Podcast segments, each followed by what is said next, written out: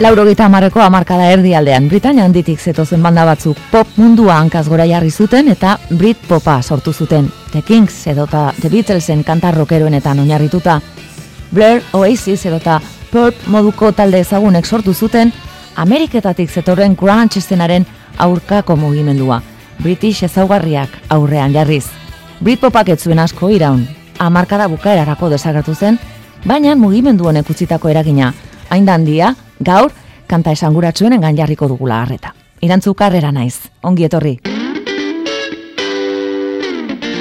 Britpop etiketapean ezagutuen ituen taldetatik Blur izan zen hit bat lortu zuen lena. Koltsestako lau lagunek osatua laurogeita maikako maiatzean zerrenda buru izan zen There's no other way abestiarekin. Baina ezin ditugu oraindik Britpoparekin identifikatu. Stone Roses eta Happy Mondays puri-puri antzeuden eta momentu horretan Manchester mugimendua jarraitzen zuten Manchesterreko taldeen soinu dantzagarriek. Jamon Arban, Graham Coxon eta Dave Roundtree kantaria gitarra eta bateria txikitatik ezagutzen ziren. Eta Coxonek Alex James basu ezagutu ondoren sortuko zen Blur.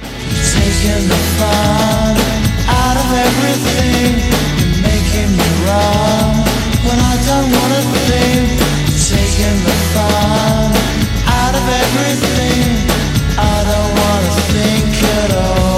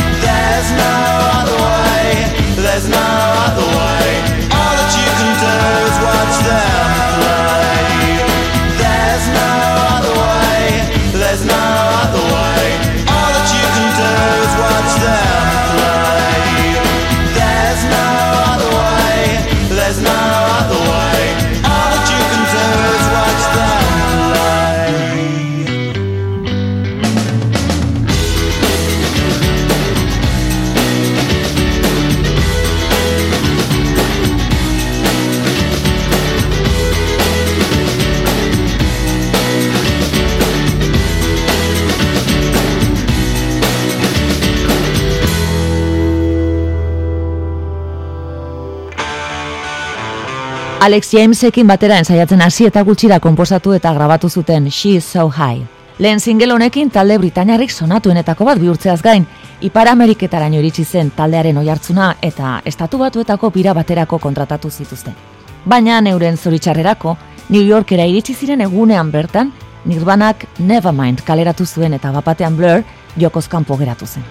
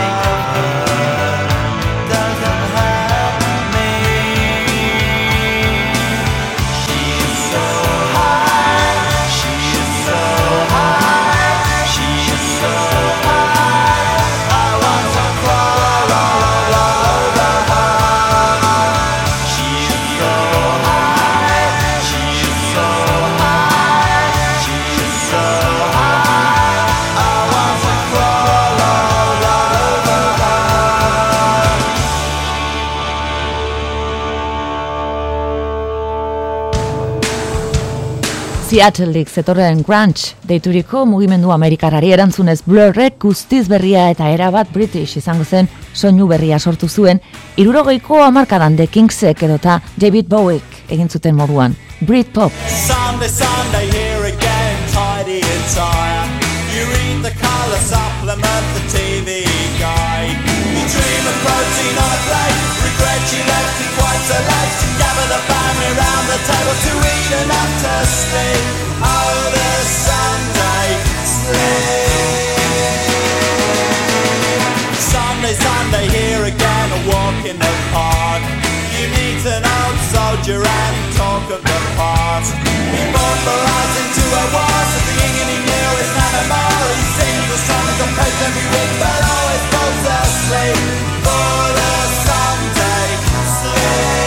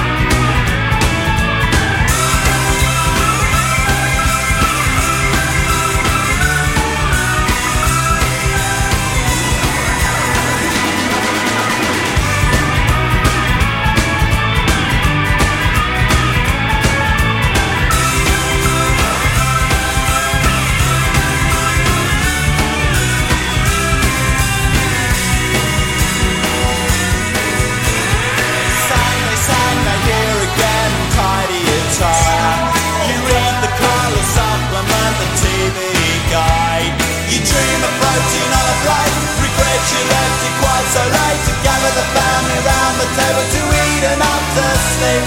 And mother's pride, your everything, that extra slice you soon regret. So going out is your best bet, then bingo yourself to sleep. Oh, that Sunday sleep.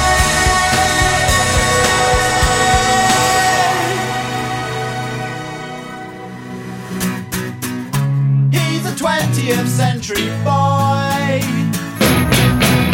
with his hands on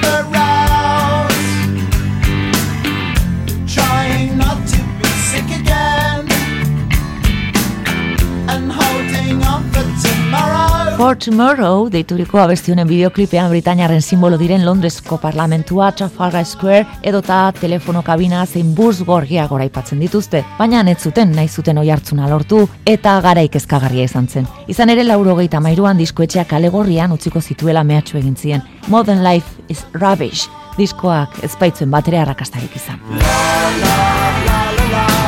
Holding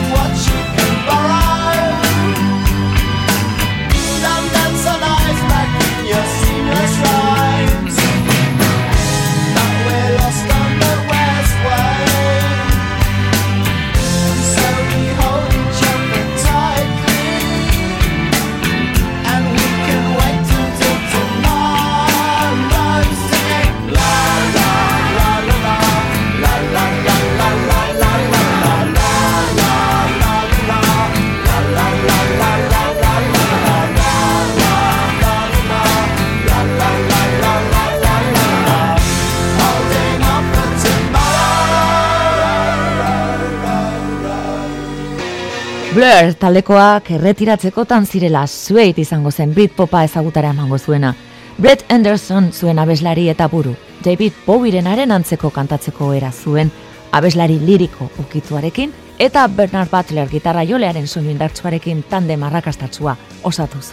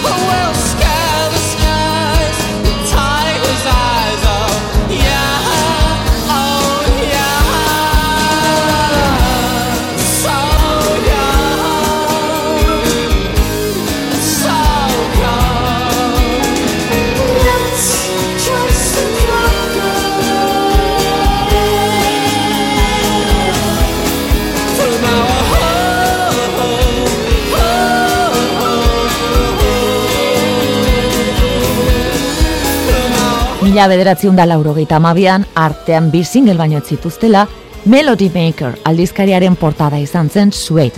Azpitituluak onela zion The Best New Band in Britain, hau da Britania antiko talde berri onena. Honela bada diskoetxe batekin sinatu zuten, eta esan bezala, Suedek eman zion hasiera Britpop mugimenduari. Ikus handia sortzen zuten bestalde Brett Andersonen adierazpenek behin esan zuen, bere burua inoiz esperientzia homosexualik izan ez duen, bisexual moduan ikusten zuela. Hortaz lauro hogeita amairuan Brit Popak bazuen batetik izena, puntako talde bat ere bai erresuma batuan, Suede, baina mundu osoan ospetsu izango zen superrizaren banda falta zen, Oasis izango zena.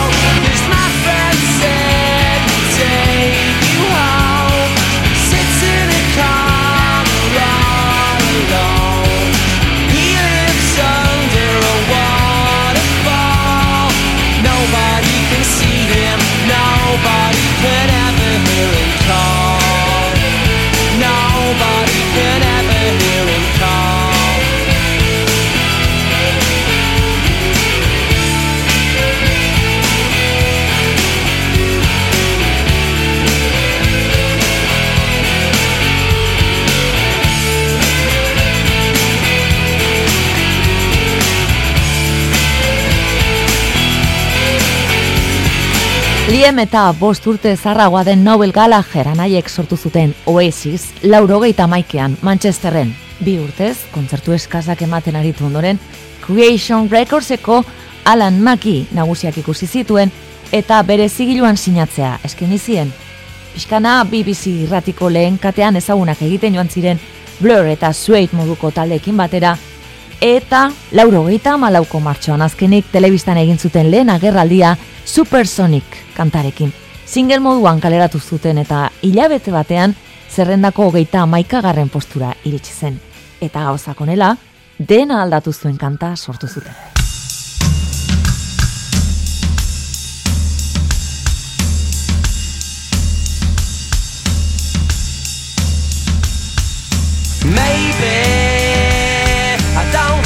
Wanna know How you got and grows Cause I just wanna fly. Lately Did you ever feel the pain In the morning rain? As it soaks you to the bone. Maybe I just wanna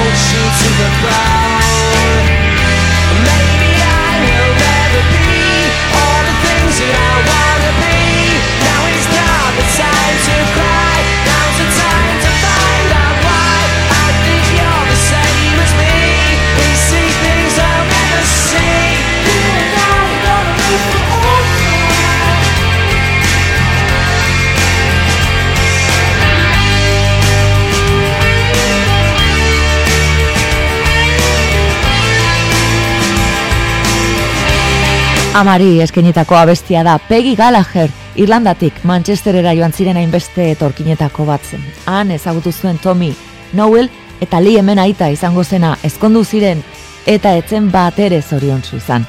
Senarrak pabean pasatzen zuen eguna, asko edaten zuen, eta jo egiten zituen irurak, Liam eta Noel ere bai. Amaren momentu baketsu bakarrak etxeko lorategia zaintzen izaten ziren, eta alaxe gogoratu nahi izan zuten Live Forever abestian. Britpop mugimenduaren seinalatuenetakoa bihurtuko zen eta Oasis musika britainararen errege.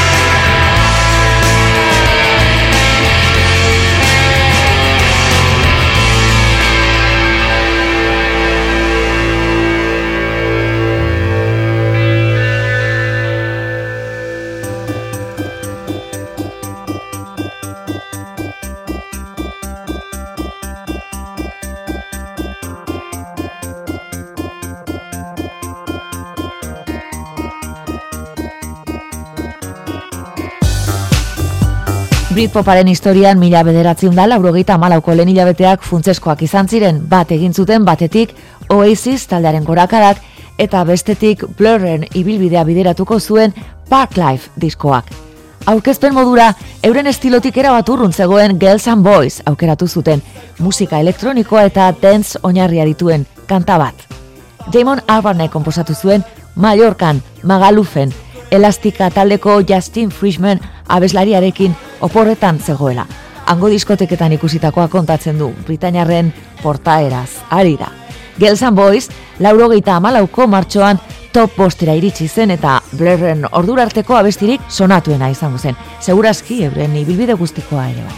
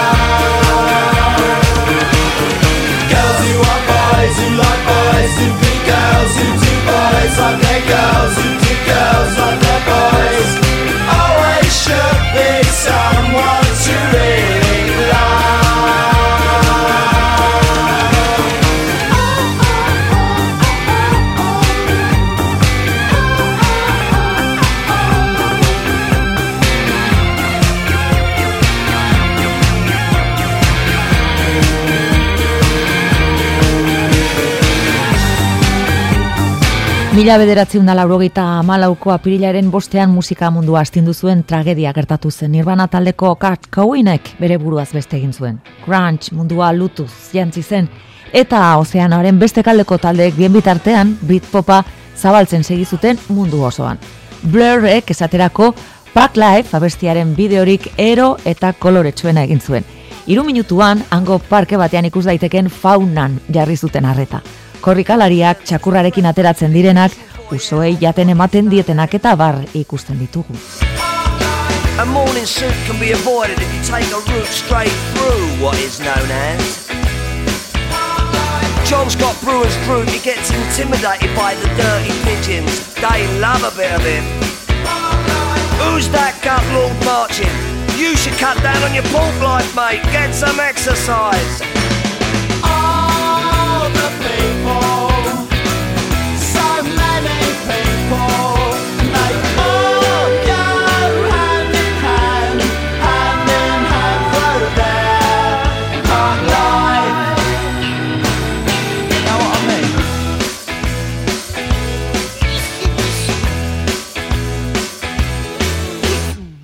I get up when I want, except on Wednesdays when I get rudely awakened by the dustman.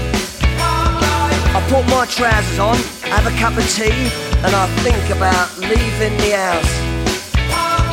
I feed the pigeons, I sometimes feed the sparrows too. It gives me a sense of enormous well-being. And then I'm happy for the rest of the day, safe in the knowledge there will always be a bit of my heart devoted to it.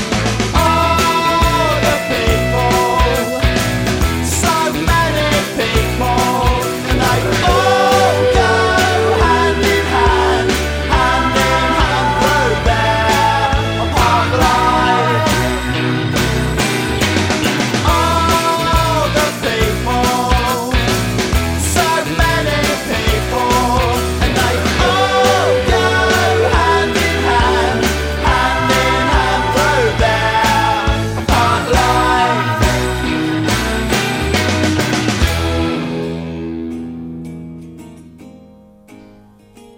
Zueit, taldera itzuliz bigarren diskoa kaleratu zuten magiaz beteriko mila bederatzen da laurogeita amala urtean, Dogman Star. Azalean, bere egelako oean bilutsik etzanda dagoen gazte bat azaltzen da eta polemika sortu zuten beste behin. Naiz eta diskoak ez zuen arrakastan dirik lortu, The Wild Ones izeneko balada hau azpimarratu behar dugu. Brett Anderson beraren gustukoena da eta David Bowieren estilo dramatikoan kantatzen du. Zinema aditua dela erakusten digu bestalde izenburuak, Marlon Brandonen mila bederatzen da berrogeita mairuko The Wild One filma omentzen baitu.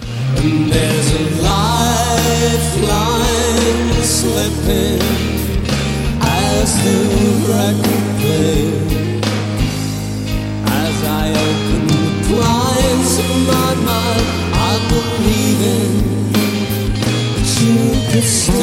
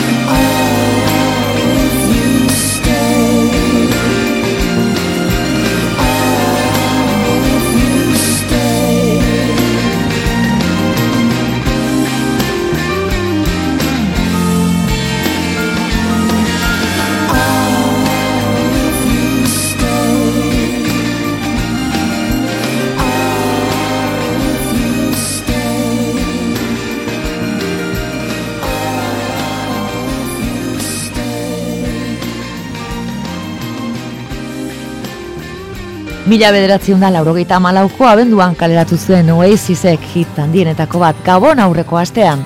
Whatever izeneko kanta bikainonek oso ondo islatzen du beatpoparen giro argi eta itxaropensua. Gallagheran haien taldea oso momentu honean zegoen eta Definitely Maybe ingalaterrako diskorik salduenen gailurrera iritsiz. Eta lehen aldiz, Oasisek gitarra akustiko eta biolinak erabiliko ditu The Beatlesen erako konponketa izugarri batekin. Testua berri simplea baino zuzena da, egizu nahi duzuna eta zaren bezalakoa izan.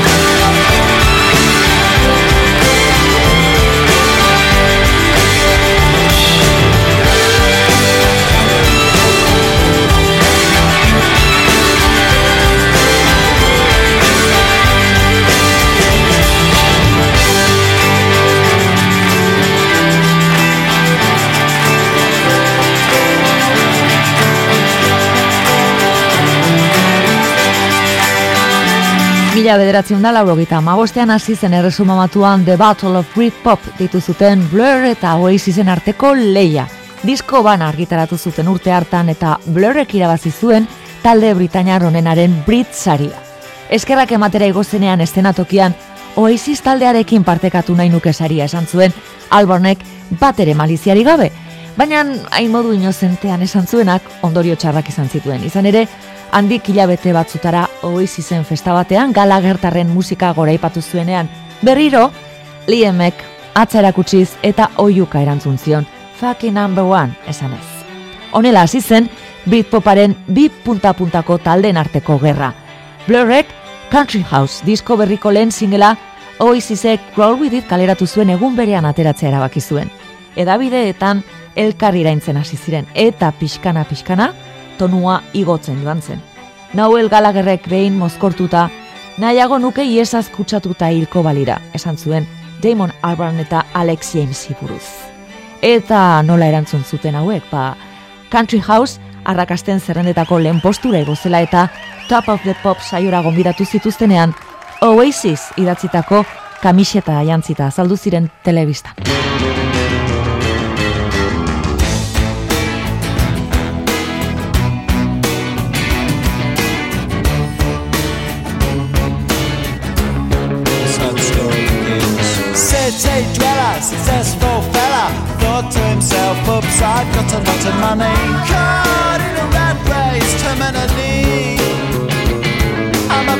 A professional cynic, but my heart's not in it. I'm paying the price of living life at the limit. Caught up in the centuries, anxiety Yes, the craze on him Intervention syndrome Lives in a house, very big house in the country. Watching afternoon repeats and the food he eats in the country takes a manner of pills and piles up analyst bills in the country. Oh, it's like an animal farm, that's a rural charm in the country. He's got morning glory and life's a different story. Everything's going jack and Jory. In touch with his own mortality He's reading Mozart, looking bad prose It's a that makes you feel you're blind Oh, it's a century's remedy. For the faint at heart Star syndrome Lives in a house, a very big house in the country. He's got a fog in his chest So he needs a lot of rest in the country. He doesn't drink, smoke, laugh Takes herbal baths in the country Says you come to no harm On the animal farm in the country. In the country. In the country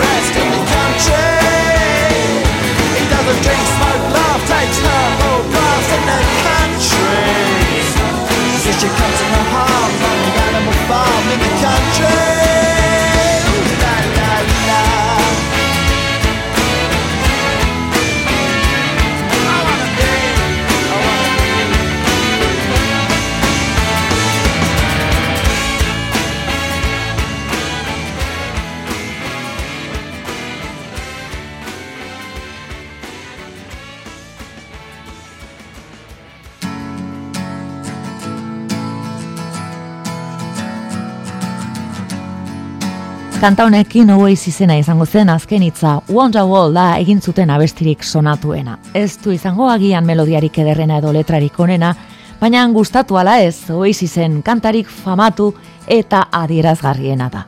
Morning Glory diskoko laugarren singela izan zen eta asko pasatako emakume bada protagonista. Noel Gallagherren bikotea, nonbait, elkarrizketa batean ala esan zuen. Meg Matthews, laurogeita amarreko amarkadako ikono britainarretako bat izan zen, Kate Moss modeloarekin batera. Today is gonna be the day that they're gonna throw it back to you. By now, you should have somehow realized what you gotta do. I don't believe that anybody feels the way I do about you now. Backbeat, the word is on the street that the fire in your heart is out. I'm sure you've heard it all before, but you never really had a doubt. I don't believe that anybody feels the way I do about you now.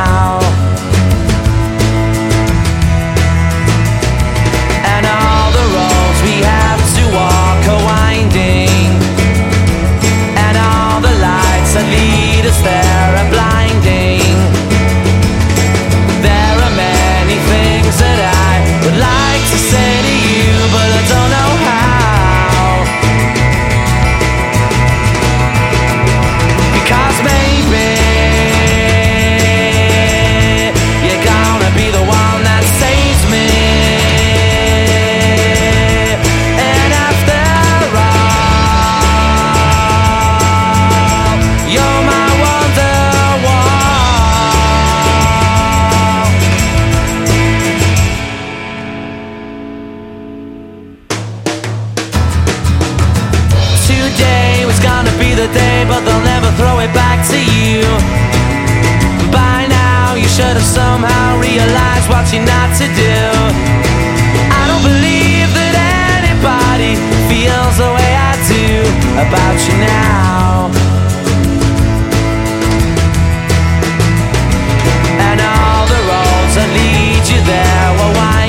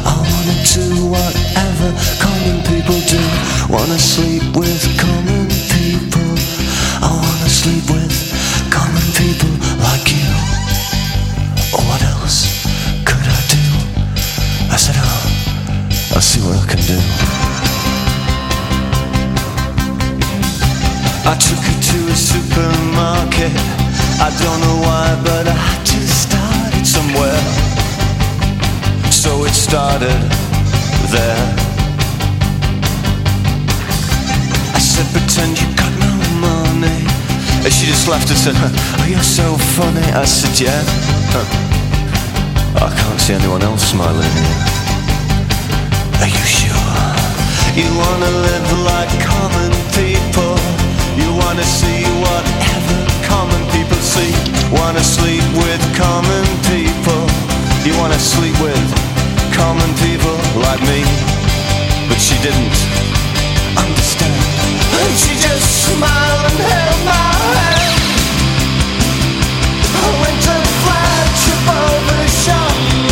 Cut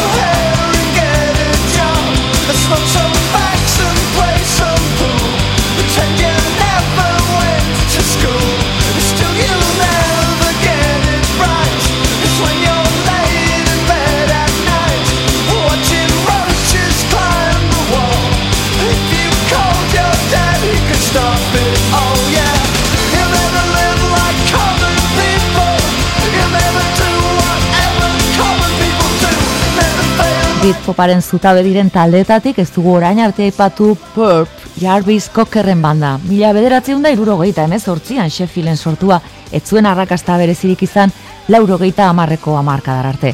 Laurogeita amabosteko maiatzean kaleratu zuten Common People, bigarren postura iritsi ziren kanta honekin, eta Britpoparen abestirik onena dela esaten da. Euren kote txaberatzetatik Londreseko langile auzoetara joandako aberatsak kritikatzen ditu. Pisu txikietan bizi dira eta supermerkatuetan egiten dituzte erosketak besterik gabe common people jende xearen bizimodua ezagutzearen. Snowbootsak dira Jarvis Cockerren ustez.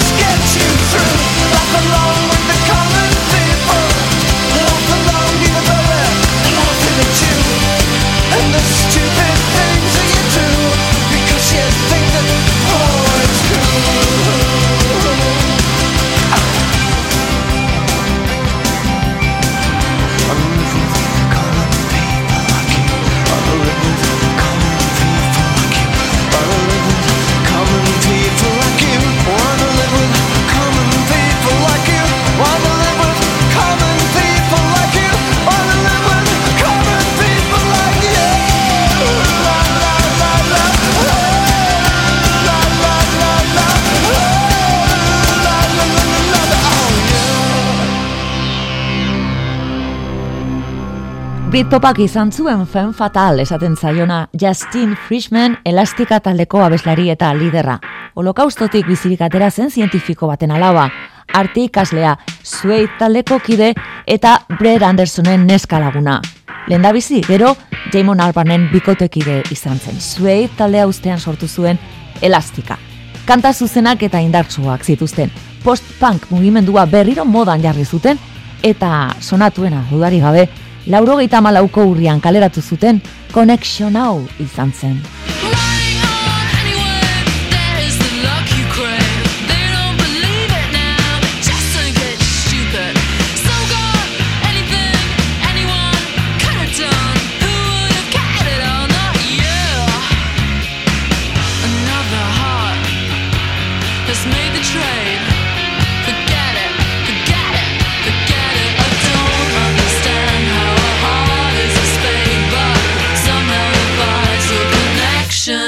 Is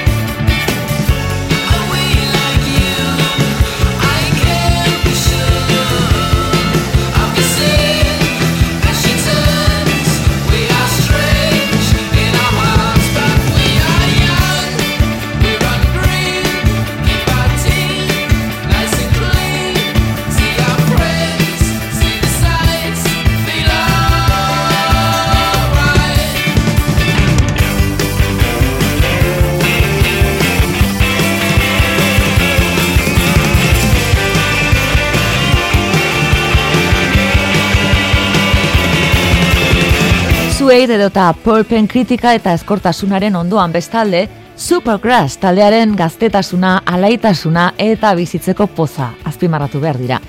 Alright izan zen gaz Combsen taldea ezagutara eman zuen abestia.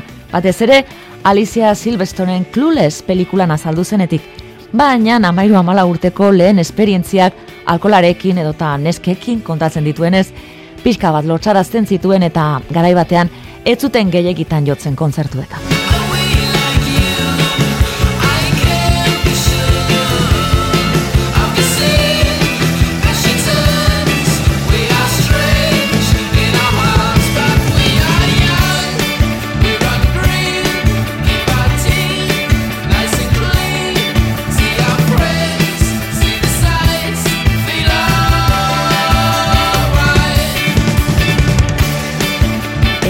bukatzeko Brit Poparen errepasoarekin amaitzeko nola aztu Oasis taldearen kantakutxunenetako bat Don't Look Back in Anger. Zerrenda buru izatera iritsi zen euren bigarren abestia izan zen. Himno bata, batez ere 2017an Manchesterarenako atentatua gertatu ondoren. Letrak argi esaten du. Ez amorruz begiratu atzera.